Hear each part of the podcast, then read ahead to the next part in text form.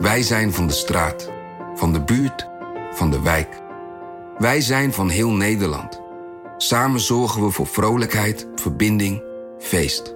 Samen brengen we in één jaar tijd 349 miljoen euro bij elkaar. Miljoenen waarmee onze goede doelenpartners de wereld groener, gezonder en rechtvaardiger kunnen maken. Nationale Postcode Loterij. Samen voor een betere wereld. Artificial intelligence verlegt ondernemersgrenzen. Maar hoe werkt dat voor u? Als transformatiepartner helpt Capgemini u kansen te ontdekken en benutten, zodat we uw ideeën tot leven brengen. Vorm uw eigen mogelijkheden met generative AI. Ontdek meer op capgemini.nl/slash AI. Capgemini. Get the future you want. Hallo, even een berichtje vooraf. Ik ben Henk Ruigrok van der Werven, de producer van Haagse Zaken.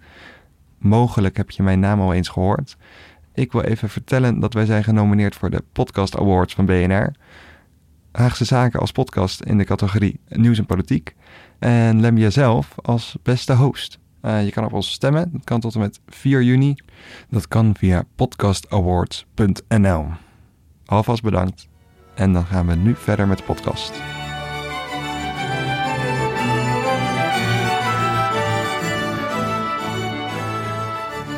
Mijn naam is Lemja Aharouai en dit is Haagse Zaken van NRC, Goes Brussels. The European Union needs to make choices. Choices about its course and its role in the years to come. Wat ik wel weet is dat in heel Europa er een beweging is aan het opstaan van mensen die genoeg hebben van massa-immigratie en een politieke elite die niet meer naar hun luistert. Meine Damen und Herren, Einheit und Geschlossenheit sind für Europas Erfolg unverzichtbar. So I have no doubt that it's your intention to be the quiet assassin of European democracy and of the European nation states. That is politically weak. Two of Europe's most controversial anti establishment politicians are teaming up to take on Brussels. What we have seen is that political choices have real consequences for real people.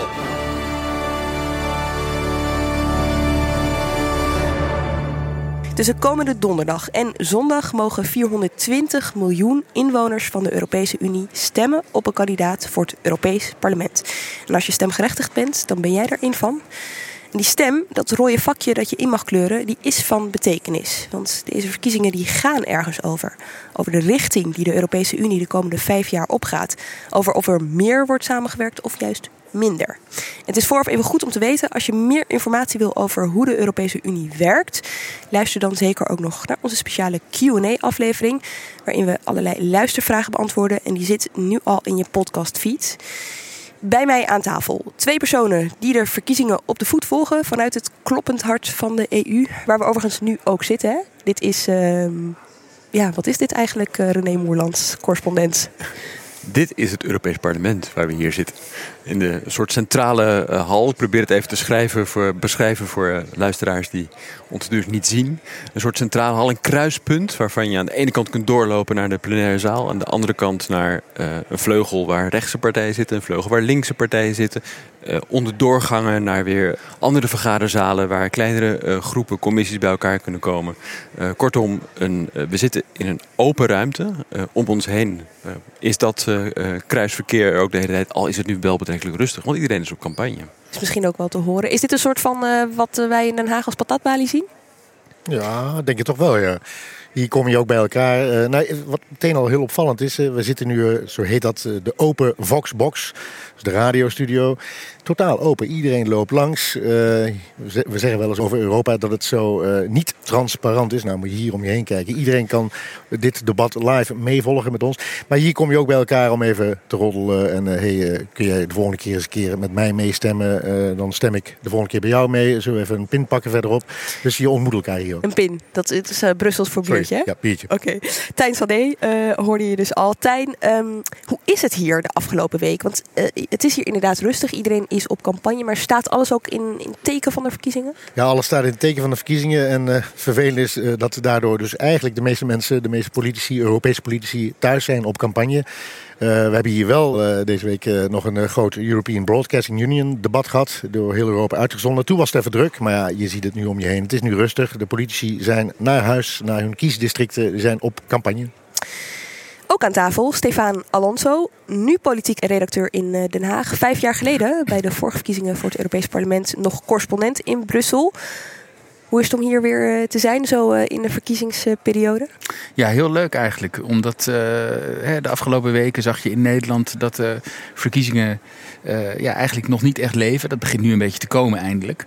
En dan is het leuk om hier te zijn en te zien dat het hier wel duidelijk leeft. Dat iedereen er echt mee bezig is. Today, I'm being born. From the second we come into this world, we're in it together.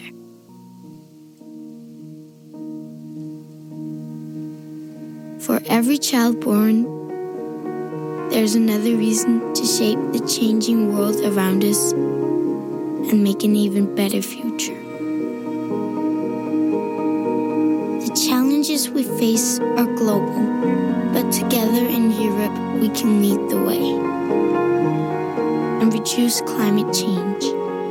Make the borders safe. Ja, niet te horen wel te zien is dat jullie uh, niet heel enthousiast zijn over dit filmpje, zo, uh, terwijl dit op de achtergrond uh, draait. Stijn. Nee, uh, er werd ook meteen op Twitter overal werden er grappen over gemaakt. Het is peperduur geweest. Een hele ervaren Franse regisseur, geloof ik, heeft het gefilmd. Het moest per se in verschillende ziekenhuizen opgenomen worden in Europa. Want uh, alles moet in Europa natuurlijk op verschillende plekken gedaan worden. Maar wat, wat is het eigenlijk? Ja, je reinste uh, emo-porno, ja, zou ik zeggen. Maar wat, wat, wat zien we? Ja, we horen het, maar het is onderdeel van een, van een video, een campagnevideo van het Europees Parlement. Uh, Om de opkomst te bevorderen. Ja. Dus het stelt de Europese Unie voor en het Europees Parlement voor als een eigenlijk de Europese toekomst voor als een heel intiem element uh, waar mensen een heel nauwe uh, band mee hebben, zoals een kind wanneer die geboren wordt. Daarom hoorde je ook een kind. Dat gaat vrij lang door in die clip. En aan het eind wordt er de klim gemaakt van nou, de Europese Unie, dat is ook zo. Net als dat kind, zeg maar. En daarom moet je gaan stemmen.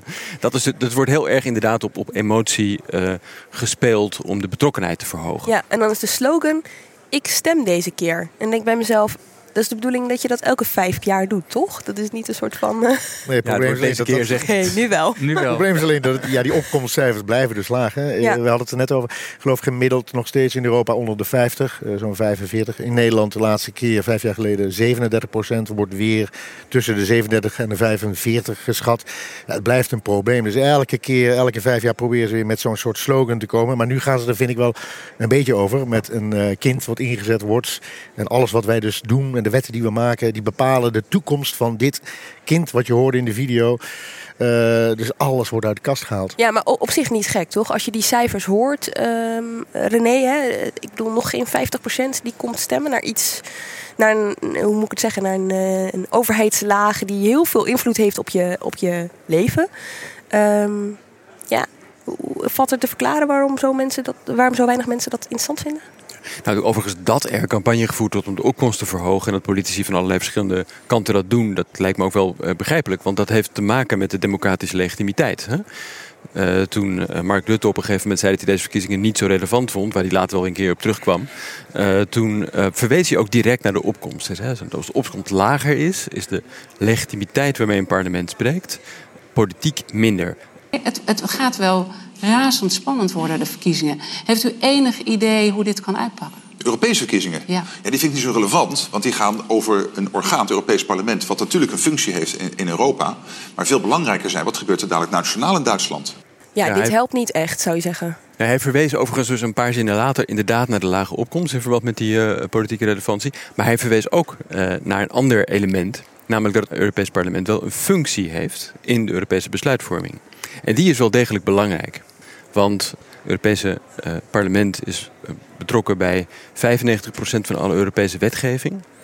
Waar uh, de Europese Commissie het initiatief toeneemt, waar de regeringsleiders met elkaar over spreken. En dit is dus wel de manier waarop die 420 miljoen Europese kiezers daar rechtstreeks een uitspraak over kunnen doen. Maar het probleem is natuurlijk ook dat hè, die afstand naar de burger, die is vrij groot. Hè? Dat is altijd een beetje de, de kritiek op Europa. Er is zo'n enorme afstand tussen wat er in Brussel gebeurt en, en, en de burger. En ik denk dat, dat ze daarom dit soort filmpjes maken ook. Om een soort emotionele laag uh, die eigenlijk nu ontbreekt, om die toe te voegen in, in, die, in die relatie naar de burger toe. Alleen ja, dit slaat misschien een beetje door. Individuele politici doen het ook. Hè, trouwens, je ziet bijvoorbeeld dat uh, de CDA-lijsttrekker in uh, Nederland, uh, Esther de Lange, heeft ook een, een, een campagnefilmpje gemaakt. Die ze heeft vormgegeven als een brief aan haar zoon, aan haar achtjarige zoon. En daarmee vertelt ze ook over de toekomst inderdaad van Europa. Dus ja, je ziet de pogingen van niet alleen het Europees Parlement, maar ook politici om uh, Frans Europa dichterbij te brengen. Die Frans brengt- Timmermans, die, die, eh, zijn kinderen worden permanent ten tonele gevoerd. Hè? Ja, zijn vier kinderen zijn allemaal verbonden met, eh, met verhalen die jij de hele tijd over Europa vertelt. Europa van vlees en bloed. Hè? Dat, vijf jaar geleden zag je dat ook. Het waren toch vooral veel oudere mannen die op het podium stonden. Eh, en daardoor krijgt Europa al snel... Is dat nu anders? Nou, iets, iets anders denk ik toch. Het, Europa heeft natuurlijk al vrij snel een, een soort technocratisch, saai sfeertje om zich heen hangen. Eh, omdat het voor een belangrijk ook deel ook gewoon technocratisch is. Hè. Ik bedoel, het is gewoon een heel proces de hele tijd hier wat, eh, wat plaatsvindt.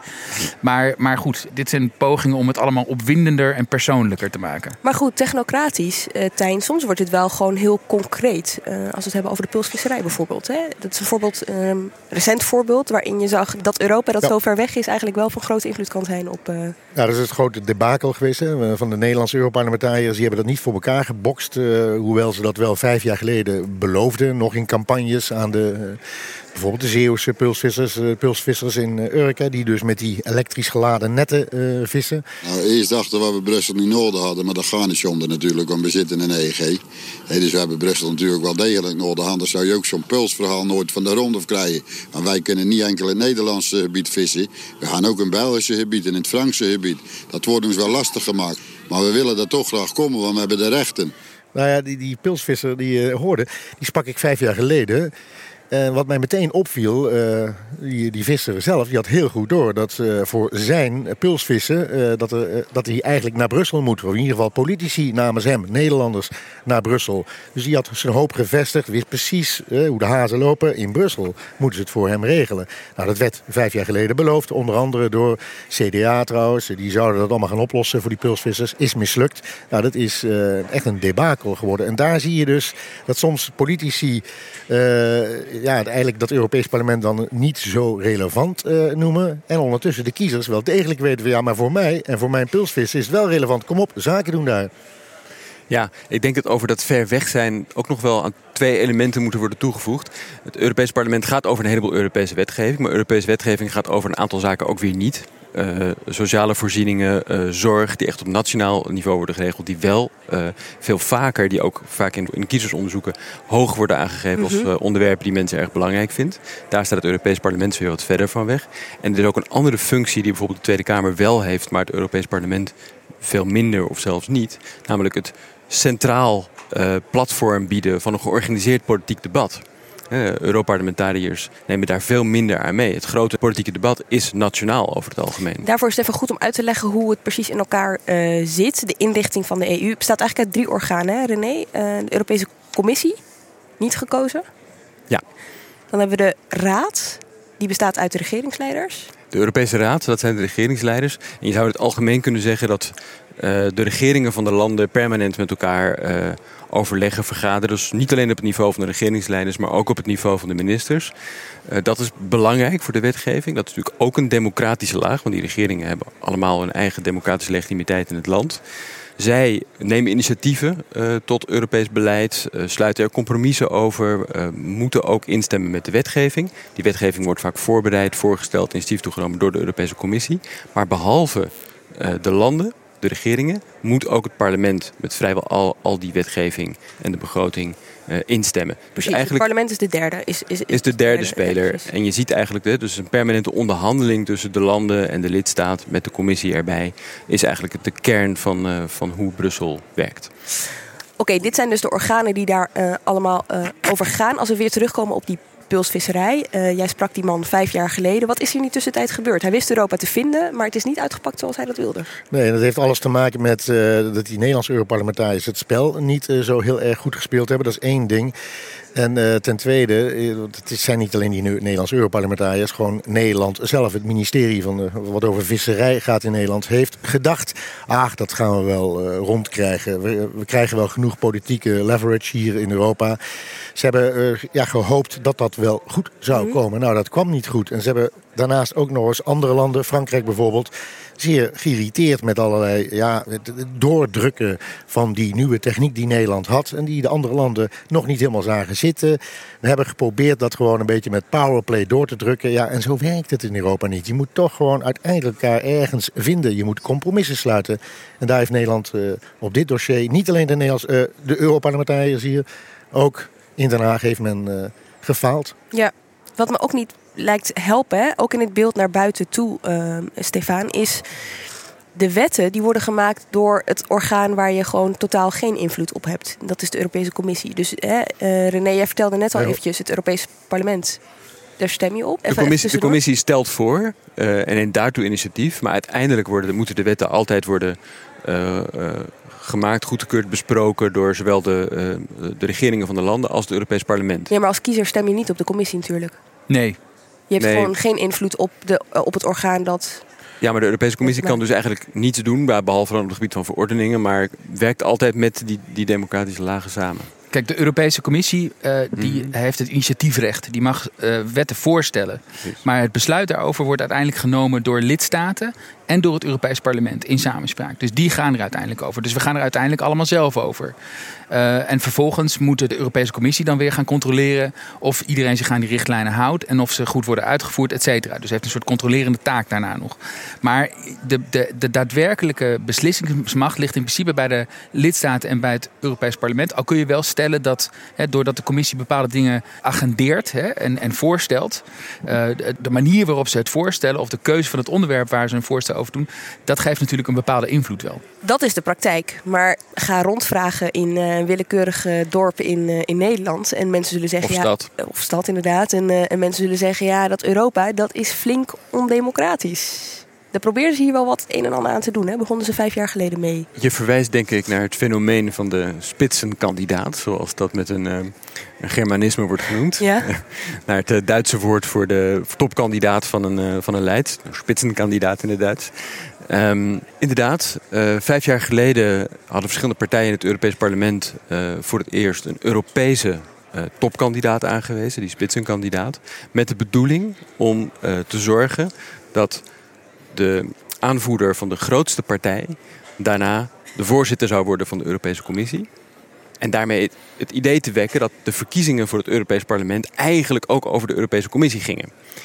Het probleem is alleen dat in werkelijkheid de regeringsleiders de bevoegdheid hebben om te benoemen en aan te wijzen wie die commissievoorzitter wordt. Dus dat gaat helemaal niet via het Europees Parlement. Het is alleen zo dat het Europees Parlement daar wel mee moet instemmen met wie de voorzitter wordt. En die ruimte hebben ze vijf jaar geleden dus maximaal gebruikt, zou je kunnen zeggen. Hoe ging dat? Om, doordat de kandidaten van de twee grootste partijen, uh, Jean-Claude Juncker, Stefan was erbij destijds, um, en de Luxemburgse uh, toenmalige premier Jean-Claude Juncker en de Duitse uh, sociaaldemocraat uit het Europees Parlement, uh, Schulz, Martin Schulz, uh, die voerde enigszins een beetje campagne in verschillende landen.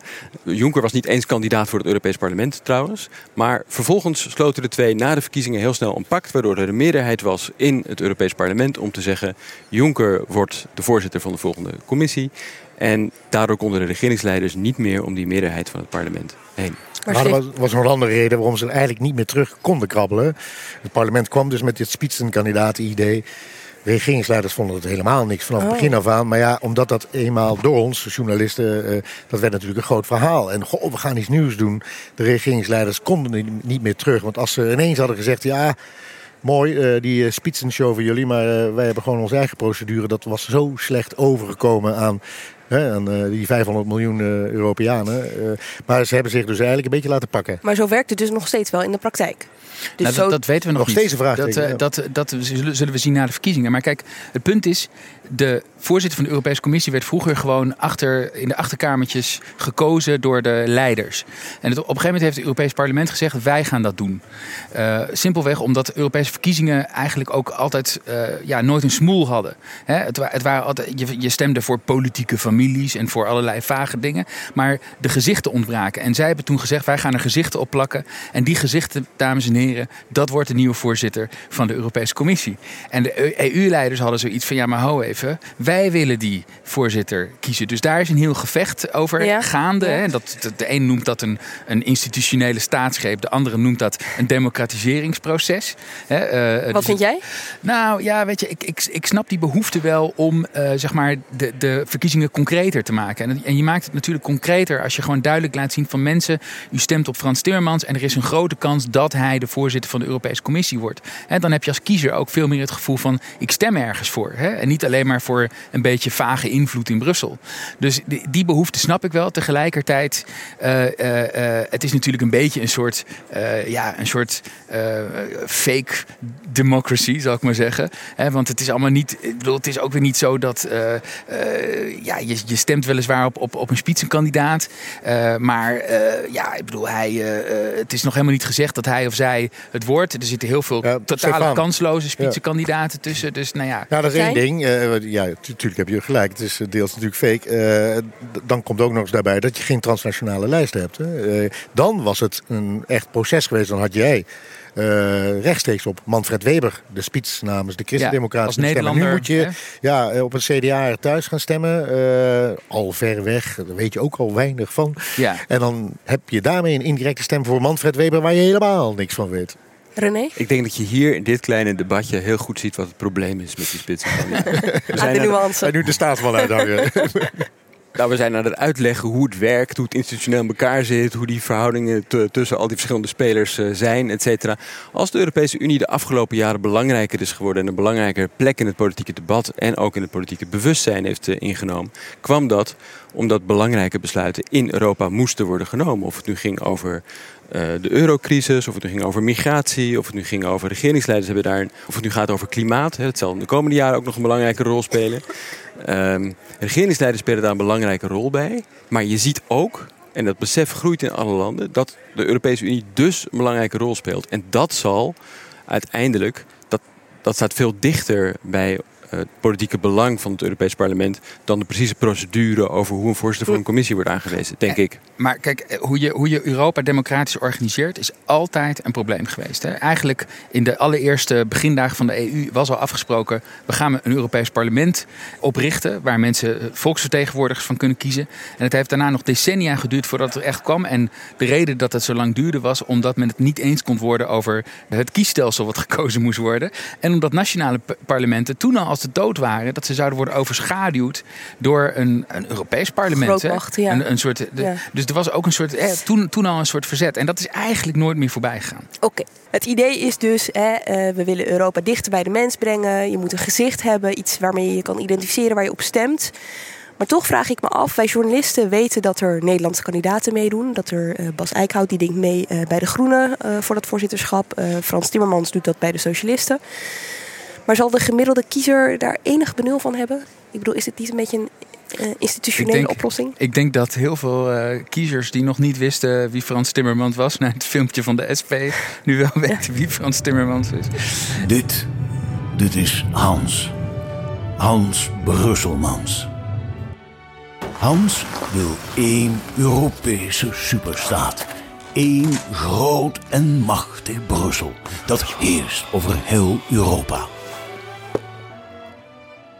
Maar goed, in ieder geval, nee, er zullen heel veel mensen zijn die dat niet weten. Bas Eickhout is in Brussel een enorme grootheid. Het is echt iemand die gewoon invloed heeft op milieubeleid, die alom wordt gerespecteerd en gevreesd door lobbyisten. Maar in Nederland kent niemand hem. Daar komt het eigenlijk wel op neer. Hij is ook bijna nooit te zien op de Nederlandse Nee. televisie of zo. Eh, en met Timmermans ligt dat anders, want die heeft natuurlijk een lange carrière in Nederland. eh, En zijn hoofd staat als enige ook op de posters, René. Ja, eh, op, opvallend overigens bij Timmermans is dat juist omdat hij een Europese eh, eh, campagne voert, hij een stuk minder aanwezig lijkt in de Nederlandse campagne. Hij heeft daar natuurlijk ook een bepaald belang bij, omdat hij al betrekkelijk bekend is. Het probleem van, van lijsttrekkers van, Europese, van, van partijen die meedoen aan de Europese verkiezingen is vaak dat ze niet heel erg bekend zijn. Of in Nederland het systeem met spitsenkandidaten heel erg werkt, is nog maar de vraag. Uh, vijf jaar geleden bleek uit onderzoek dat uh, het spitsenkandidaten uh, ongeveer het minst bekend waren in Nederland van alle Europese landen. Ja. En uit voorlopig onderzoek heb ik begrepen, blijkt dat het ook dit keer Nederland nog steeds een van de landen is waar die, die spitsen het minst bekend zijn. Wel iets meer dan vijf jaar geleden. En je ziet ook wel meer in deze campagne dat er een soort Europa-landsoverstijgende debatten zijn tussen die verschillende kandidaten. Die zijn er ook weer in het Engels, hè, meestal. Of soms in het Frans, soms in het Duits. Dus meestal niet in, in de taal van de meeste uh, kiezers rechtstreeks. Maar goed, dat debat vindt wel plaats. Ja, want er doen twee Nederlanders mee. Even, we gaan ze niet allemaal langs. Maar uh, Manfred Weper uh, die doet mee voor de EVP, Christen Democraten. Ehm, Alde, de Liberalen, dat is Guy Verhofstadt? Nou, die hebben een team van zeven. Die wilden eigenlijk niet meedoen in dit systeem, maar die willen wel meedoen aan die debatten. Dus ze hebben zeven mensen benoemd waarmee ze alle posten kunnen, uh, beïnvloeden, uh, kunnen, zouden kunnen binnenhalen in theorie. Want het gaat niet alleen om het commissievoorzitterschap. Uh, voor Hofstad bijvoorbeeld. Die overigens hier verderop staat te debatteren bij Ter Zake TV van ja, Canvas. Klopt, ja, zeker. Kijk, die is dus flink op, op campagne. campagne. Zou nou, hij is daar voor de nationale campagne volgens mij bezig. Die de, ik weet niet zeker. In België zijn ook nationale ja. verkiezingen. Maar goed, hij is wel weer kandidaat voor het Europese parlement. Waar hij ook best graag, dat is een soort publiek geheim hier in uh, Brussel uh, voorzitter van zou willen worden. Dus niet van de commissie, maar van het Europees Parlement. Um, Maakt hij kans? Hmm. In het ja, als de puzzel zo Zijn. valt. Ja, dat puzzel is hier het sleutelwoord. Kijk, de liberalen zouden natuurlijk heel graag, die zijn een beetje nummer drie. Hè, uh, die willen hopen uh, zometeen met een wat progressievere, bredere coalitie. Uh, misschien zelfs wel socialisten, groenen en liberalen bij elkaar, hoe dan ook. Ze willen opstomen. En, uh, Ze zijn de nummer drie, dus na de Ja, dus na, de, na de twee aloude uh, ja. grote machtspartijen. Ja. Dus ja, als die liberalen groter worden, ze komen in de buurt, dan kunnen ze wat meer eisen. Ze zullen dan niet misschien uh, meteen de twee allergrootste topposities in de wacht slepen. Zou kunnen hoor, maar die kans is wat kleiner. Hè? Dan Europese Raad, Donald Tusk opvolgen of Commissie, Juncker opvolgen. Maar dan komt dus in de puzzel leggen dan kunnen ze wel wat uh, moois gaan eisen. Die derde uh, instelling, en uh, dat is het parlement. En dan komt Verhofstadt in zicht. Hè? Kijk, binnenkort hebben we dus die Europese verkiezing. Maar daarna begint eigenlijk meteen een nieuwe verkiezing. namelijk van al die topposten die verdeeld moeten worden.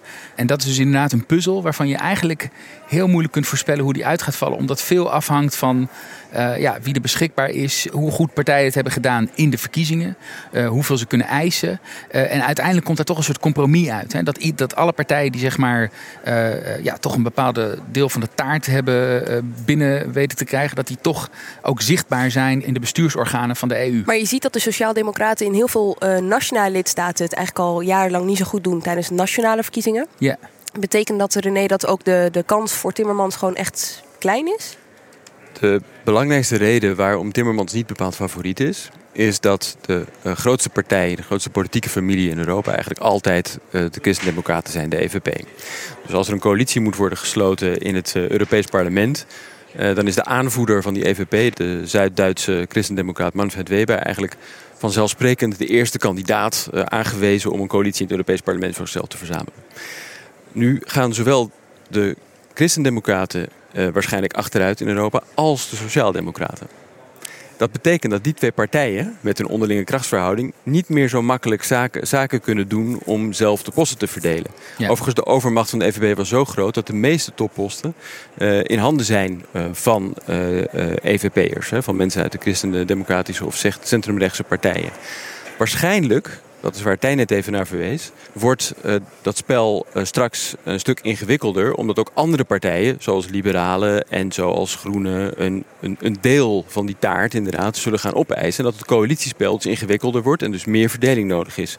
Nu is de hoop uh, bij de Sociaaldemocraten dat ook al gaan ze achteruit, zullen ze toch nog wel waarschijnlijk de tweede politieke kracht blijven. Omdat ze in heel veel landen vertegenwoordigd zijn. Mhm. En dat ze dus in een soort alternatieve coalitie. met steun van die partijen die nu ook meer te zeggen hebben. zoals progressieve liberalen of zoals groenen. Toch, en met steun ook van, van, van regeringsleiders. Eh, die natuurlijk ook hun, uh, hun zegje hebben. en die niet zo gecharmeerd uh, lijken te zijn van Manfred Weber. toch een kans ontstaat voor Timmermans als commissievoorzitter. En zijn natuurlijk ook andere kapers op de kust. Kijk, als het coalitiespel ingewikkelder wordt, dan moet er op een gegeven moment een compromis gaan komen. En dan is Timmermans eigenlijk de ideale compromiskandidaat. Ik bedoel, hij is geen bedreiging voor, voor andere partijen, want ja, zijn eigen politieke familie doet het waarschijnlijk niet zo goed tijdens de verkiezingen. Eh, hij ligt goed hè, qua karakter en qua uh, zijn talenkennis en nou ja, dat soort zaken. Dus hij, hij, hij zou zomaar boven kunnen komen drijven als, ja, als de kandidaat waarin iedereen zich wel kan herkennen. Ja. Het zou kunnen, hij is weer geen vrouw. Uh, je hebt ook, oh, uh, ja. Geografie speelt een grote rol. Geografie speelt een rol, ja. Michel Barnier wordt ook natuurlijk vaak genoemd. Uh, maar goed, dat is weer een Fransman. Dat is zeker een nadeel voor hem. Maar die heeft met de Brexit-onderhandelingen vrij veel steun in verschillende landen genoemd. Dus dit spel is eigenlijk echt betrekkelijk onvoorspelbaar. Ja. Oké, maar wat ik nog wel interessant vind is... wat zien wij kiezers nu niet? Dus wat is Timmermans? Jij bent met hem meegeweest op campagne, René. Hij gaat al die landen langs. Hij is tenminste, jullie zijn de behoorlijke wat landen geweest. Um, met wat voor boodschap klopt hij daar dan aan? Wat probeert hij mee te geven? Hoe probeert hij zichzelf interessant te maken? Met welk spel is hij bezig? Ja, dat zijn twee Zo. verschillende vragen overigens. Maar het zijn, het eigenlijk zijn het een heleboel vragen die jullie zo stellen. Wat mij opviel uh, tijdens uh, die reis is ten eerste dat we een Europees politicus uh, zien die zich ook afmeet aan Europese verhoudingen. En dat kan ik heel concreet, uh, kan je dat zien bijvoorbeeld aan het feit dat zijn opvattingen uh, linkser zijn geworden dan vijf jaar geleden. Ik heb hem daar ook naar gevraagd. Hè. vijf jaar geleden kwam je echt als een Nederlander naar Brussel, niet via verkiezingen overigens, maar wel in het benoemingenspel tijdens de samenstelling van de nieuwe Europese Commissie. Als Nederlander die juist omdat er veel weerstand was tegen de Europese Unie, ging zeggen we moeten het beter doen, we moeten minder regels maken, et cetera. Nu zag ik hem op campagne bepleiten dat heel veel oplossingen wel Europees moeten worden gemaakt. Een Europees minimumloon, meer Europees beleid voor de sociale woningbouw. Eh, de Europese Commissie die moet zorgen dat de salarisverschil tussen mannen en vrouwen moet worden opgelost. Veel Europese oplossingen en ook linksere oplossingen die voor een deel voortkomen uit het feit dat hij gesteund wordt door sociaal-democratische bewegingen, die bijvoorbeeld in Spanje en in Portugal nog sterker zijn dan in het noorden en in het sociaal-democraten in het zuiden, die hebben uh, over het algemeen meer wensen om uh, meer risicodeling in de Europese Unie te doen, bijvoorbeeld op financieel gebied. Ja. En je ziet hem dus opschuiven, omdat hij die steun van die landen ook nodig heeft in Europa, om vervolgens meerderheden te, te, te, te, Dus zijn campagne Klinkt is ook een beetje opportunistisch. Ja, nou, het is in elk geval ja, het is ook, ook een risico voor hem. Want hij voerde daarmee een campagne die veel minder is afgestemd op de Nederlandse kiezer. En die moet hij toch ook zien te bereiken. Kijk, Timmermans is in mijn optiek eigenlijk al bezig met de volgende verkiezing. Namelijk die hele strijd rondom het commissievoorzitterschap. Uh, want uiteindelijk, kijk, het is natuurlijk belangrijk dat eh, de PvdA het niet al te slecht doet hè, in Nederland. Dus het zou mooi zijn als uh, het fenomeen Timmermans ook de Nederlandse Sociaaldemocraten een duwtje in de rug kan geven. Dat zou fantastisch zijn. Maar uiteindelijk maakt dat niet eens zoveel uit. Uiteindelijk gaat het om dat hij dat grotere spel tussen landen, dat hij dat zo goed mogelijk weet te beïnvloeden. Dus is het belangrijk voor hem om zeg maar, de Sociaaldemocraten elders zoveel mogelijk aan zich te binden. En dus is het belangrijk voor hem om dat linkse verhaal, hè, wat in Spanje veel geprononceerder is dan in Nederland. Hè. Past hij dat René dan ook overal aan op het land? Nee, ik, heb, ik hoor hem niet steeds verschillende dingen zeggen. Dat, okay. uh, dat is zeker zo. Hij zelf beweert overigens dat ook Nederland een stuk Europeeser is geworden. Dan verwijst hij naar Rutte bijvoorbeeld. Dus hij zegt zelf, van ik ben wel heel erg in contact met de Nederlandse kiezer. Maar goed, het is een risico. Maar het is echt, uh, mm -hmm. in de praktijk is het echt sprokkelen, harken. Uh, het is ook een heel banale praktijk. Timmermans moet zelfs naar Luxemburg. Dat hoort ook allemaal in zijn campagne-tour. En dan vraag je hem daar in Luxemburg van, waarom bent u nou hier? Luxemburgse socialisten, bestaan die überhaupt? En dan ga je kijken in de boekjes, Timmermans weet het al lang. Ze zitten in de grote Europese fractie met één zetel. Maar daar is hij dan wel weer twee dagen mee bezig. Hè? Dus Waarom? zegt harken, sprokkelen. Ja, je moet dan wel zo meteen aan die 144, 45, 146 komen. En je wil groeien. Maar iets anders, uh, het is inderdaad, hij is voor twee zaken op reis. Hè. Dit harken en René zei het net al. Uh, en ook natuurlijk omdat hij zo meteen na de verkiezingen moet hij ook die regeringsleiders in die landen meekrijgen. Precies. Gaat hij dan ook bij die bezoeken, René, altijd ook nog even langs bij die regeringsleiders? Uh, nee, lang niet altijd. In campagnetijd is er wel degelijk een groter verschil. Maar je ziet het ook wel in, in, in stellingnames. Er zijn natuurlijk ook uh, landen waar die regering sowieso weet dat hij die niet meekrijgt. Manfred Weber doet uiteraard precies hetzelfde. Die is ook in heel Europa uh, op campagne voor diezelfde, met diezelfde bedoeling om kiezers aan te spreken. En tegelijkertijd een verhaal te ontwikkelen dat hem ook acceptabel maakt bij regeringsleiders. En daarnaast zijn er ook nog kandidaten die helemaal niet op campagne zijn. Uh, uh, dat wil zeggen, niet voor de kiezer, uh, zoals Barnier, maar die, die wel degelijk door redenvoeringen, door opinieartikelen en door contacten, ook weer met regeringsleiders, probeert op, langs die manier in het spel terecht te komen. Ja, ja. Dus het is een heel ongelijksoortige campagne. Oké, tot zover over de spitsenkandidaten en het uh, voorzitterschap van de Europese Commissie. Ik wil even terug naar die Europese verkiezingen zelf. Want die Europarlementariërs, die kies je straks natuurlijk wel gewoon direct. Um, als je nou alleen maar naar tv kijkt, naar radio luistert of de krant leest, dan um, gaan deze verkiezingen over een pro- of anti-EU-stem. De kloof binnen de Europese Unie wordt groter. With support for anti-EU parties. Tussen pro-EU en anti-EU-partijen. Want de eurosceptica. De anti-Europese. Ongekend anti-EU. Anti-European Union populists, nationalists, parties, call them what you will. They have been on the march across Europe in recent years. Is dit zo? Gaat, uh, gaat, uh, gaat, gaat het straks, uh, Tijn, over een stem voor of tegen de EU? Ik denk wel, gewoon in de debatten die je ziet, omdat het nou eenmaal heel mediageniek is. Zwart-wit werkt altijd goed, dus dan zeg je maar pro-anti. Dus dat is de makkelijkste boodschap. uiteindelijk als je vraagt naar die felste anti-Europeanen, er is er geen één meer die durft hardop te dromen van een exit. Ook al wordt er hier en daar een beetje mee geflirt. Maar als het op aankomt, is denk ik iedereen heel erg geschrokken van die brexit. Maar het werkt nou eenmaal goed, het is mediageniek. Maar uiteindelijk uh, waarom het zo zwart-wit is geworden en waarom het zo fel is geworden... en ook eigenlijk heel interessant, het hele debat over Europa... is omdat het natuurlijk uiteindelijk over de enorme uitdagingen waar we voor staan gaat. De EU is veranderd door de verdragen die veranderd zijn. Dat is een heel onzichtbaar proces, maar het parlement heeft meer macht gekregen.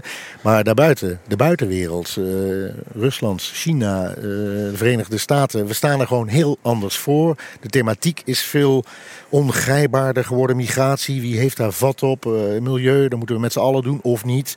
Nou, op al die grote geopolitieke dossiers hebben we het gevoel dat we de controle kwijt zijn.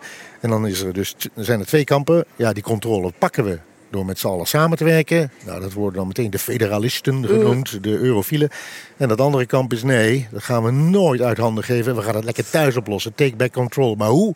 Nobody knows. En René, jij bent het hier niet helemaal mee eens. Nou, het debat wordt inderdaad vaak zo weergegeven zoals Tijn het beschrijft. Maar dat is ook tegelijkertijd simplistisch. Uh, dat is de, ik denk wel de hardste scheidslijn in de Europese politiek is wel de scheidslijn tussen de partijen die met elkaar willen samenwerken aan een soort gemeenschappelijk geformuleerde doelen, waar ze dan wel verschillende meningen over hebben. Of het nu gaat om klimaatbeleid, of het gaat om veiligheidsbeleid of migratie. Er is debat over, maar we willen samenwerken. Die partijen staan aan de ene kant. En aan de andere kant de partijen zeggen we moeten in Europa minder samenwerken. Terug naar de natiestaat, grenzen dicht. Soevereiniteit. En het ontrafelen van het framework, van, het, van die infrastructuur voor samenwerking die de Europese Unie is. Dat is de hardste tegenstelling. Wat je wel ziet, is dat in eigenlijk alle Europese landen die laatste club die die Europese Unie wil ontrafelen, zwakker wil maken, groeit. En ook een belangrijke invloed heeft in het politieke spel. In sommige landen regeren die partijen, zoals in Italië uh, bijvoorbeeld. Maar ook in landen waar ze niet regeren, Nederland bijvoorbeeld, of Frankrijk met Rassemblement National van Marine Le Pen, of, of Duitsland, waar Alternatief voor Duitsland ver weg staat voor de, van de macht, maar wel een grote invloed heeft op het politieke landschap. Nou, bij de Europese verkiezingen zul je die partijen waarschijnlijk ook zien groeien. Misschien wel tot 30, 35 procent. Dan is er nog altijd geen meerderheid. Maar dan heeft het wel belangrijke gevolgen voor de manier waarop al die andere partijen met elkaar samenwerken. Want dit hele blok wil niet samenwerken. Dus dat wil zeggen dat het vinden van beleid tussen die andere partijen leidt tot meer compromissen, tot de, tot de noodzaak voor al die wat we dan middenpartijen noemen, uh, om elkaar te vinden. Maar nee, je, moet, je bent er wel mee eens. Eh, we moeten wel behoorlijk gaan, gaan opletten wat er gaat gebeuren. Want vijf jaar geleden hadden we het natuurlijk ook al over deze thematieken en de anti-Europeanen die opkwamen. Wat langer. Maar toen uiteindelijk uh, in dat spel, wat nou eenmaal een beetje ingewikkeld is, maar na die verkiezingen dat coalities vormen, die partijfamilies hier vormen, daar, daar faalden al die uh, verschillende anti-EU-partijtjes in, want ja, ze kwamen niet overeen. Nou, en dan ben je machteloos in het Europees Parlement. Mm. Nou, ik kan je vertellen, dat hebben ze wel geleerd, dat lesje. Ze zijn nu veel georganiseerder bezig. Kijk bijvoorbeeld dit weekend uh, gaan ze weer in Milaan met z'n allen bij elkaar komen ja, die versplintering die er vijf jaar geleden was. Je ziet nu dat dat samenklomt, beter georganiseerd is. Salvini een aansprekelijke figuur kennelijk. Dus uh, daar moet je echt op gaan letten. En dan is het nog steeds niet de meerderheid. Een derde inderdaad wat René zegt. Maar het wordt wel een behoorlijk, behoorlijke machtsfactor. Stefan? Ja, daar. Nou ja, Tijn heeft absoluut gelijk. Maar voorlopig blijft het nog even bij een fotomoment. Hè, zeg maar. Ik bedoel, het, of, wat bedoel je daarmee? Nou, dat al die partijen met elkaar op een foto gaan staan en dan daarmee een soort eh, saamhorigheid uh, uitstralen. Maar uiteindelijk zal het toch moeilijk worden, denk ik. Om, uh, want uiteindelijk, uh, Waar ligt dat dan aan? Nou, omdat het allemaal partijen zijn die geloven in nationale soevereiniteit. Dus niet, ze geloven in hun eigen soevereiniteit, niet in die van jou, zeg maar. Dus dan is het moeilijk samenwerken met iemand uit een ander land. Dus, Behalve als je een gemeenschappelijk doel hebt, namelijk de Euro Europa vanuit binnenuit, ja. um, nou, inderdaad kapot ja. maken, ontrafelen, hoe je het ook wil noemen. Ja, maar dat doel staat dus een beetje onder druk. Hè? Ik bedoel, dat, daar heeft Brexit dus inderdaad wel voor gezorgd. Dat je ziet ook heel duidelijk in Nederland dat gewoon daar de, de, de steun voor allerlei Nexit-fantasieën gewoon sterk is afgenomen door Brexit. Omdat iedereen gewoon ziet van, oh jee, dus als, als je uit de EU gaat, heeft dat ook echte consequenties. Interessant deze week was het optreden in dat debat tussen die Europese spitsenkandidaten van Jan Zagradil, een Tsjech die uit de uh, fractie zit, de politieke familie in het Europees Parlement, waar het Forum voor Democratie zich bij wil aansluiten. Daar zit de ChristenUnie en SGP ook ChristenUnie zit er ook bij. Nou, die had het helemaal niet over exits uit de Europese Unie, Totaal deze Jan Zagradil. Die had het over, we moeten een goede balans vinden tussen wat je Europees moet doen en wat je nationaal moet doen. En natuurlijk, zei hij, willen de inwoners van de lidstaten bij de Europese Unie blijven. Alleen dat betekent niet dat ze overal meteen voor zijn. Wat een standpunt is wat in een heleboel andere partijen, of je nu de VVD is of zelfs de PvdA of, of D66. Maar je zag eigenlijk een enorme middle-of-the-road Europeaan daar spreken. Uh, ja. Absoluut niet een man waarvan je denkt, hé, hey, ja. daar voelt Thierry. Maar, maar niettemin ben ik het wel mee eens dat je het absoluut niet moet onderschatten wat, wat, de opkomst van deze krachten voor de Europese politieke dynamiek betekent. Hè? Kijk, een Brexit dus is daar gaan we ook naar kijken bij de uitslag. Een, een, Brexit is een uiterste natuurlijk, een, is een extreem. Maar je, kan, je kan ook uh, soevereiniteit aan landen proberen terug te geven op, ja, op een wat minder extreme manier. Dus zonder er meteen uit te stappen. Ja, maar dat is ook een. Kijk, als je, als je per. Dat, dat is eigenlijk gemeengoed in, de Europese, uh, in het Europese debat. Is dat elke partij kan wel voor zichzelf punten benoemen. Uh, en ook elk land wel van dat willen we liever nationaal regelen. Of dat willen we absoluut niet Europees regelen. Ingewikkeld is het natuurlijk wel dat als je door de jaren heen kijkt, dat je dan toch ziet dat steeds meer dingen wel degelijk Europees op elkaar afgestemd raken. Ja, want weet je nog, dat lijstje waar de VVD mee kwam, op een gegeven moment uh, hadden ze een hmm. lijstje gepubliceerd, geloof ik. Hè, met uh, dit zijn de punten waar we uh, het weer zelf willen gaan doen in Europa. Dat is een heel kort lijstje. En dat was een kort lijstje en niemand heeft er nog wat van gehoord. Nee, nee. Maar nog heel even over, over die invloed van die anti-Europese partijen. Die, die, die zal ongetwijfeld gaan groeien. Maar wat je ook gaat zien, en dat is een beetje de, de, de paradox eigenlijk in dit hele verhaal. Dat omdat de christendemocraten en de sociaaldemocraten, die, die traditioneel de boel domineren, minder dominant gaan worden. En de liberalen en de groenen aan invloed gaan winnen. Uh, is het ook heel goed mogelijk dat om de liberalen en de groenen aan boord te houden, dat de christendemocraten en de sociaaldemocraten een wat linkser beleid zullen moeten gaan voeren. Dus je, je krijgt, paradoxaal eigenlijk. Dus, dus je krijgt een soort uh, een Europa wat misschien waar de anti-Europeanen aan terrein winnen. En tegelijkertijd krijg je een Europa wat misschien een linkser sociaal beleid moet gaan voeren om iedereen aan boord te houden. Nou, dat wordt natuurlijk gewoon super interessant om te volgen de komende jaren ergens is dat heel ingewikkeld. Want dat versterkt dan ook het gevoel bij die mensen die wel gingen voor een anti-Europese stem. Zeker. Uh, het gevoel van, zie je wel, er gebeurt echt helemaal niks met, met en het, mijn stem. En het wordt alleen maar erger, ja. nee, dat is zeker zo. Dus dat, de, dat, deze politieke breuklijn zal niet 1, 2, 3 uh, opgelost worden in nee. de komende jaren. Maar goed, het hangt ook erg af van, van wel, over welk onderwerp het gaat hoe de politieke dynamiek in de komende jaren is. Ja. Weet je, het is klimaatbeleid ligt veel lastiger in dit soort politieke debatten dan bijvoorbeeld veiligheid. Ja.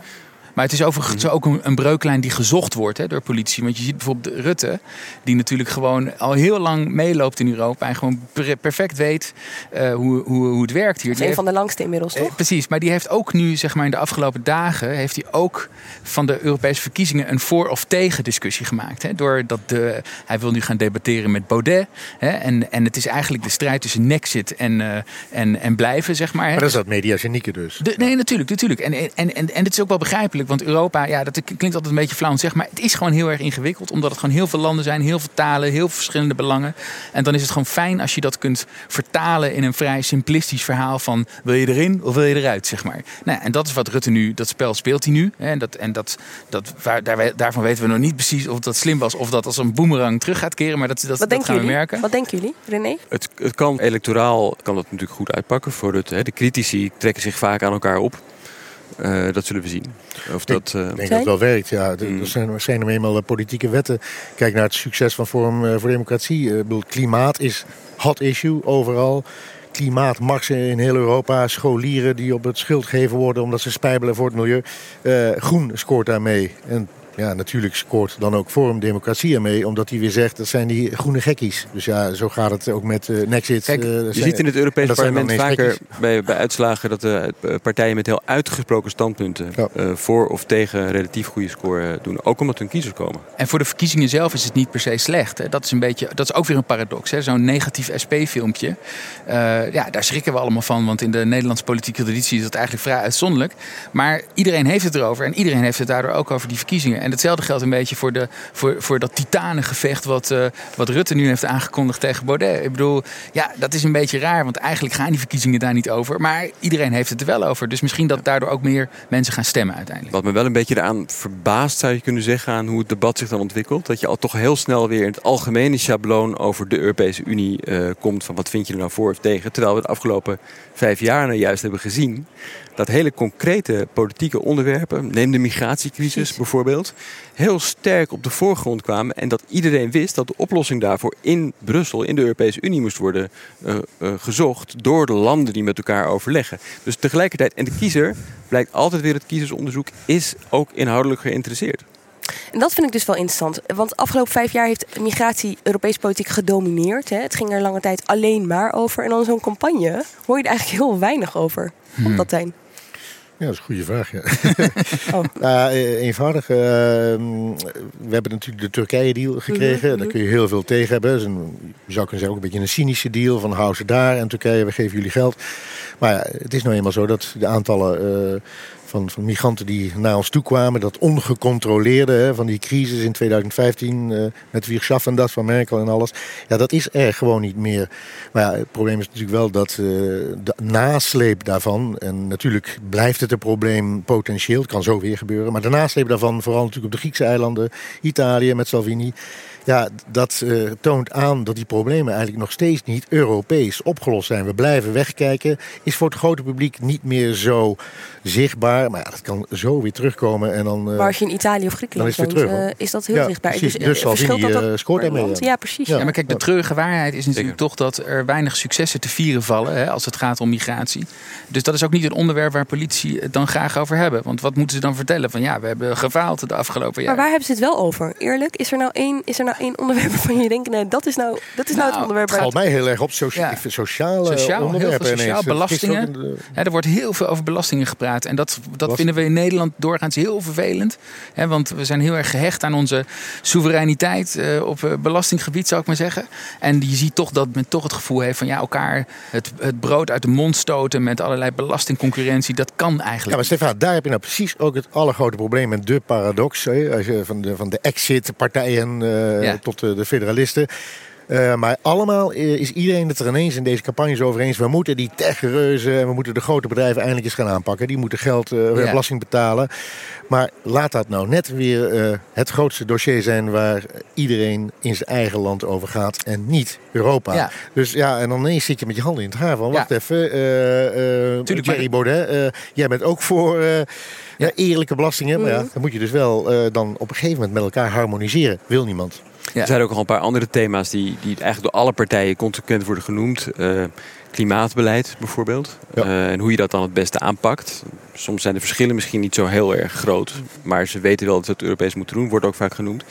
De positie van Europa in de wereld tegenover uh, China en Amerika uh, bijvoorbeeld. Uh -huh. uh, wordt ook vaak genoemd. Geopolitiek, ja. Dat, dat heeft natuurlijk ook een, het voordeel voor veel politici die voor Europese samenwerking zijn, dat je kunt zeggen er is een European way of life. Hè? Dus het is ook een manier waarmee die de eenheid binnen de Europese Unie onderstreept.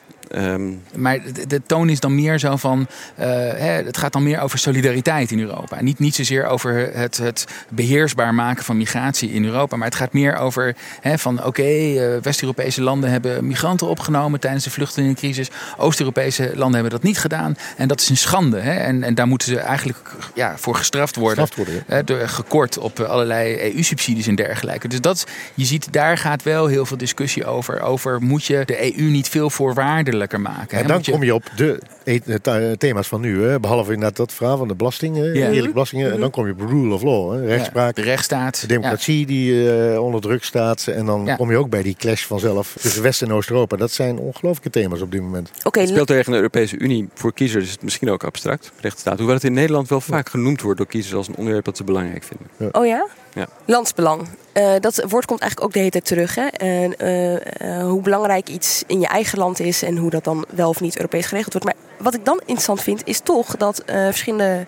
fracties bij een familie zitten waar verschillende landen ook in vertegenwoordigd zijn. Als je hem nog volgt. Ehm, dat betekent. Bijna ook, altijd zo. Precies. dat, dat betekent dus dat in zo'n familie, kan ik me voorstellen, er ook wel onmin kan ontstaan over enorme onmin.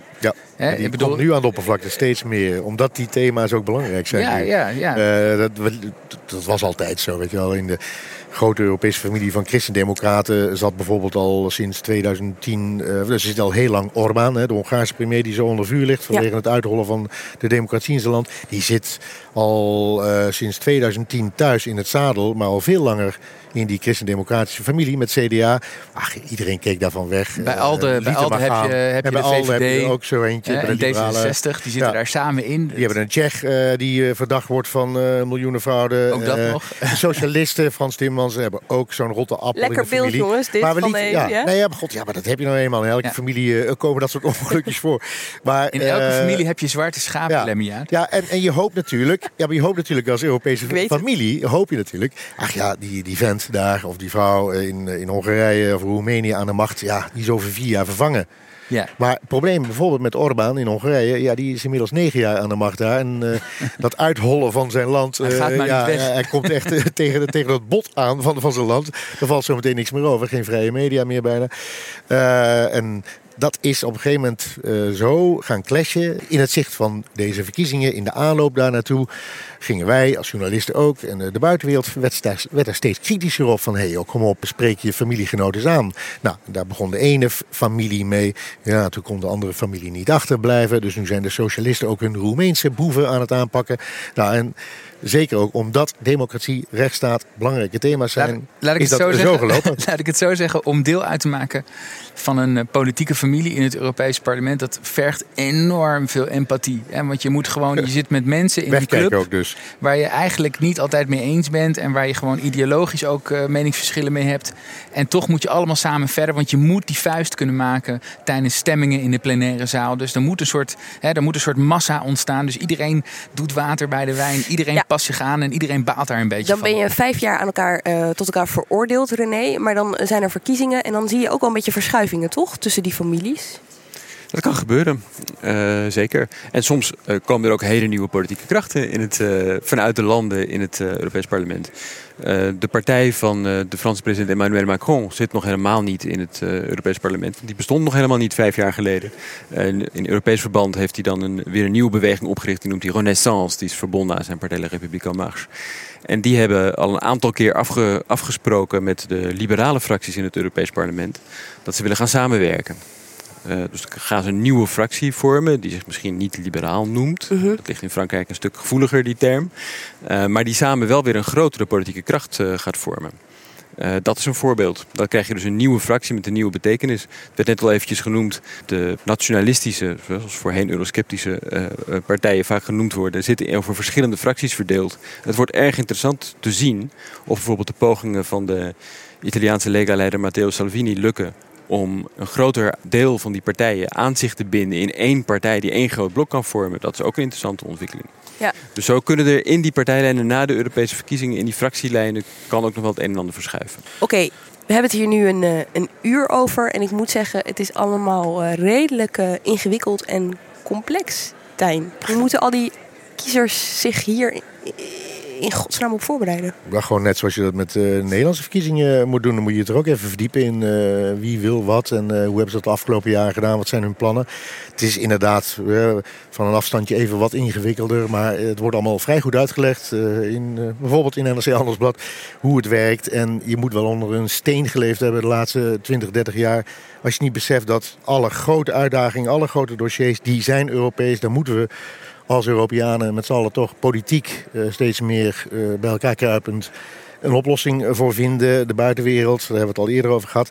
Dus ja, het is bijna een plicht en het is ook, vind ik, heel normaal om je zeker bij Europese verkiezingen één keer in de vijf jaar goed te verdiepen erin. En het is wel nog gebrekkig. Het is jammer dat er geen transnationale partijen zijn. Je blijft inderdaad dat ingewikkelde verhaal hebben. Mijn stem thuis op één partij. Dat vertaalt zich misschien iets anders zometeen in die grote Europese families. Moet je op de koop toenemen. Er is één partij die het, die het probeert, toch? Uh, Volt inmiddels. Ja, Volt. Dat is de enige partij die dat probeert. Een mooi initiatief. Het zou best mooi zijn in de toekomst. Er zitten ook allerlei nadelen aan. Maar ik vind dat gewoon geen argument dat het dus ingewikkeld is om te zeggen... ik ga niet uh, stemmen bij de Europese verkiezingen. Ja, moet gewoon iets meer verdiepen misschien. Het is even wat ingewikkelder. Kijk, maar... qua, qua campagne zijn het misschien niet de meest spannende verkiezingen ooit. Maar qua, qua thematiek is het enorm spannend. Hè? Ik bedoel, toen ik vijf jaar geleden uh, hier de verkiezingen versloeg, toen ging het heel erg over Europa moet niet te belangrijk worden gemaakt. We hebben minder regelgeving nodig. Het ging om vrij technocratische dingen. Het ging over geld, het ging over de eurocrisis. En je ziet in de afgelopen jaren door Brexit, door de migratiecrisis, door Trump, door de opkomst van China, uh, door de migratiecrisis, door al die verschillende dingen, uh, gaat het niet meer over de vraag of, of we Europa misschien te groot maken. Nee, de vraag is nu steeds: zijn we wel groot genoeg hè, in deze grotere wereld? Vluchtelingen die huis en haard achterlaten op zoek naar een beter leven. UNHCR noemt het de grootste vluchtelingencrisis in 25 jaar. Thank you. What we're seeing in this chamber this morning and indeed across the whole of Europe is an irreconcilable cultural difference between Greece and Germany. This means that the UK has voted to leave the European Union. Russische dreiging. Het is een term die je de laatste tijd weer vaak voorbij hoort komen. So let me say, it is my high honor to introduce to you the President elect of the United States of America, Donald Trump.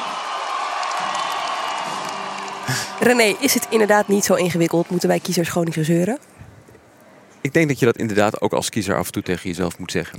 Kijk naar de afgelopen vijf jaar. Doe je ogen dicht. Herinner je wat er allemaal als Europese politiek op het, op het nieuwsfront heeft gestaan. Van migratiecrisis tot eurocrisis tot brexit. Regeringsleiders zie je, die zijn er maar bezig als het zichtbare podium. Maar één keer in de vijf jaar heb je de, de gelegenheid om even je ogen dicht te doen en te zeggen: Ik wil ze nu even bijsturen. Als jij zou denken: hoe wil ik die Europese regeringsleiders het liefst bijsturen? Dan vind je wel een partij of een kandidaat waarvan je denkt: die doet dat op issues of op onderwerpen of op een manier of in een, op in een stijl of met een wereldvisie die bij mij past. En dat is dan degene op wie je kan stemmen. Mag ik jullie een uh, tricky gewetensvraag uh, stellen? Zijn Europese verkiezingen volgens jullie dan net zo belangrijk, of misschien zelfs wel belangrijker dan nationale verkiezingen? Uh, ja. Oh, wat, wat ja? Nee, ik denk dat ze heel belangrijk zijn. Maar belangrijker of net zo belangrijk? nou, misschien wel. Ja, nee, ze zijn niet net zo belangrijk. Ik bedoel, ze, ik, ik denk dat nationale verkiezingen uiteindelijk toch net iets belangrijker zijn omdat uiteindelijk zie je toch dat, dat uh, ja, uh, lidstaten hebben op talrijke terreinen macht die Europese landen niet hebben. Dus je ziet ook heel vaak dat hè, dan zo'n Europese raad waar EU-leiders in zitten. Ja, heel af en toe zie je zo'n EU-leider dan niet terugkomen. Want die heeft dan de verkiezing in zijn eigen land verloren. Dus dat heeft dan enorm veel invloed op de dynamiek van hoe zo'n Europese raad functioneert. Hè? Of er een socialist meer, socialist minder, liberaal meer, Dus dat, het, het, die nationale verkiezingen zijn ontzettend belangrijk voor dat Europese proces, uh, denk ik uiteindelijk. Maar het is inderdaad wel, je kunt tijdens die verkiezingen inderdaad wel die richting uh, uh, ja, als kiezer toch nadenken van welke kant wil ik eigenlijk dat het opgaat met Europa. Daar, daar kun je toch wel een uitspraak over doen als kiezer, denk ik. René? Vergelijking met de nationale verkiezingen? Nationale verkiezingen zijn belangrijker omdat ze uiteindelijk over meer gaan. En ook inderdaad, zoals Stefan ook zegt, van belang zijn voor de vorming van een regering. Die zie je ook weer terug op Europees niveau. Precies. En daar hebben ze ook weer meer uiteindelijk te zeggen over de richting die Europa opgaat dan het Europees Parlement. Dus nationale verkiezingen, maar dat is geen reden om uh, niet te gaan stemmen. Ja, heel saai, maar ik ben het natuurlijk helemaal mee eens. Ik bedoel, eerst, eerst moet er nationaal gekozen worden. Heel jammer dit. Dan weet je hoe de zaken ervoor staan. En uh, met, met die politieke kleur komt uiteindelijk een van de, de 28 leiders aan, aan, om de tafel zitten. Maar uh, ja, Europese verkiezingen net zo belangrijk. Maar het is zeker niet, niet relevant, zoals, uh, sorry, ik het zoals, zoals, zoals Rutte het ooit heeft gezegd. En je ziet ook dat Rutte daar een beetje op is teruggekomen naar de recente provinciale statenverkiezingen. Toen bleek dat Forum groter was geworden dan de VVD. En dan zie je dat elke verkiezing doet er het toe. Hij, hij wil nu ook in deze verkiezing wil hij toch laten zien van uh, we, we, doen nog mee, zeg maar. Weet je, of dat nou Europees is in de provinciale staten, in de Eerste Kamer of in de Tweede Kamer. dat is gewoon belangrijk, ook voor zijn positie trouwens in Europa, is het belangrijk dat hij laat zien van hè, mijn partij doet nog steeds mee volop. Oké, afrondend. Deze verkiezingen die gaan over heel veel, hebben we wel gehoord. Maar ik wil toch nog even van jullie horen in één zin. Waar draait het om op 23 mei, Stefan? Ik denk dat het voor veel Europeanen toch draait om sociale rechtvaardigheid. We hebben een periode gehad van eh, extreme bezuinigingen. Eigenlijk in, in, in alle landen, maar ja, sommige landen hebben daar veel meer last gehad dan, dan andere landen. Dat heeft tot jeugdwerkeloosheid geleid. Dat heeft tot ja, gewoon toch veel hè, mensen die in de middenklasse zaten en die gewoon toch naar beneden zijn getuimeld. En dat, dat is dan een beetje de vraag die op tafel ligt. Hoe zorg je ervoor dat je Europa dusdanig organiseert dat zo'n sociale ramp eigenlijk niet weer kan gebeuren? René, waar draaien deze verkiezingen volgens jou? Ik denk toch dat het beeld eclectischer is. Uh, dat het in verschillende landen over verschillende dingen gaat. En dat het uiteindelijk het totaalresultaat de vraag is die je als kiezer ook jezelf kunt stellen. Hoe stuur je de Europese regeringsleiders bij via het Europees Parlement? En dan zullen we zien welke kant het op gaat. Of dat uh, leidt tot een moeizamere besluitvorming in, in de Europese Unie of juist niet. En voor Nederlandse kiezers? Waar draait dit om? Nou ja, je zou kunnen zeggen, als je toch naar de laatste uitslag kijkt eh, van Nederlandse verkiezingen die we gehad hebben. En je ziet de winst van Forum Democratie. En daarom is natuurlijk iedereen in Brussel behoorlijk nerveus over die uitslag. Want een van de meest welvarende landen, Nederlands. En je ziet daar dus toch een partij opstaan uh, die wint met uh, de claim dat de, ook de Nederlandse beschaving ten dode opgeschreven is. nou, lees de, ook de Europese beschaving. Ja, dan geeft dat wel wat te denken. Ik zou heel graag het met René en Stefan eens zijn, sociale en bijsturen. Maar helaas gaat het toch altijd bij verkiezingen om die zwart-wit tegenstelling. En dat is dan toch uh, ben je ervoor of zeg je Brussel het is mooi geweest, uh, ik wil weer terug me achter de dijken opsluiten en mijn landje en mijn cultuur is de beste van de hele wereld.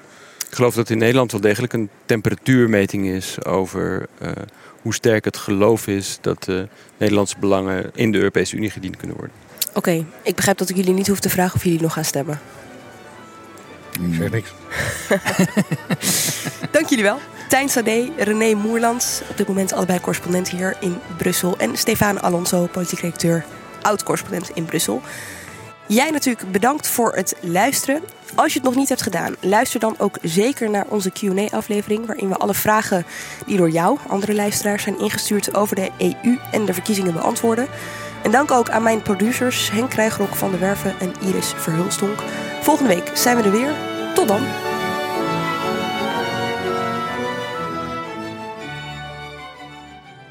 Je hebt aardig wat vermogen opgebouwd. En daar zit je dan, met je ton op de bank. Wel een beetje saai, hè? Wil jij, als belegger, onderdeel zijn van het verleden of van de toekomst? Bridgefund is een slimme fintech die een brug slaat tussen de financiële behoeften van ondernemers en van beleggers. Dus wie belegt bij Bridgefund krijgt niet alleen een mooie vaste rente, maar brengt ook ondernemers in beweging. Echt waar, met die ton kan je zoveel betere dingen doen. Bridgefund. Make money smile.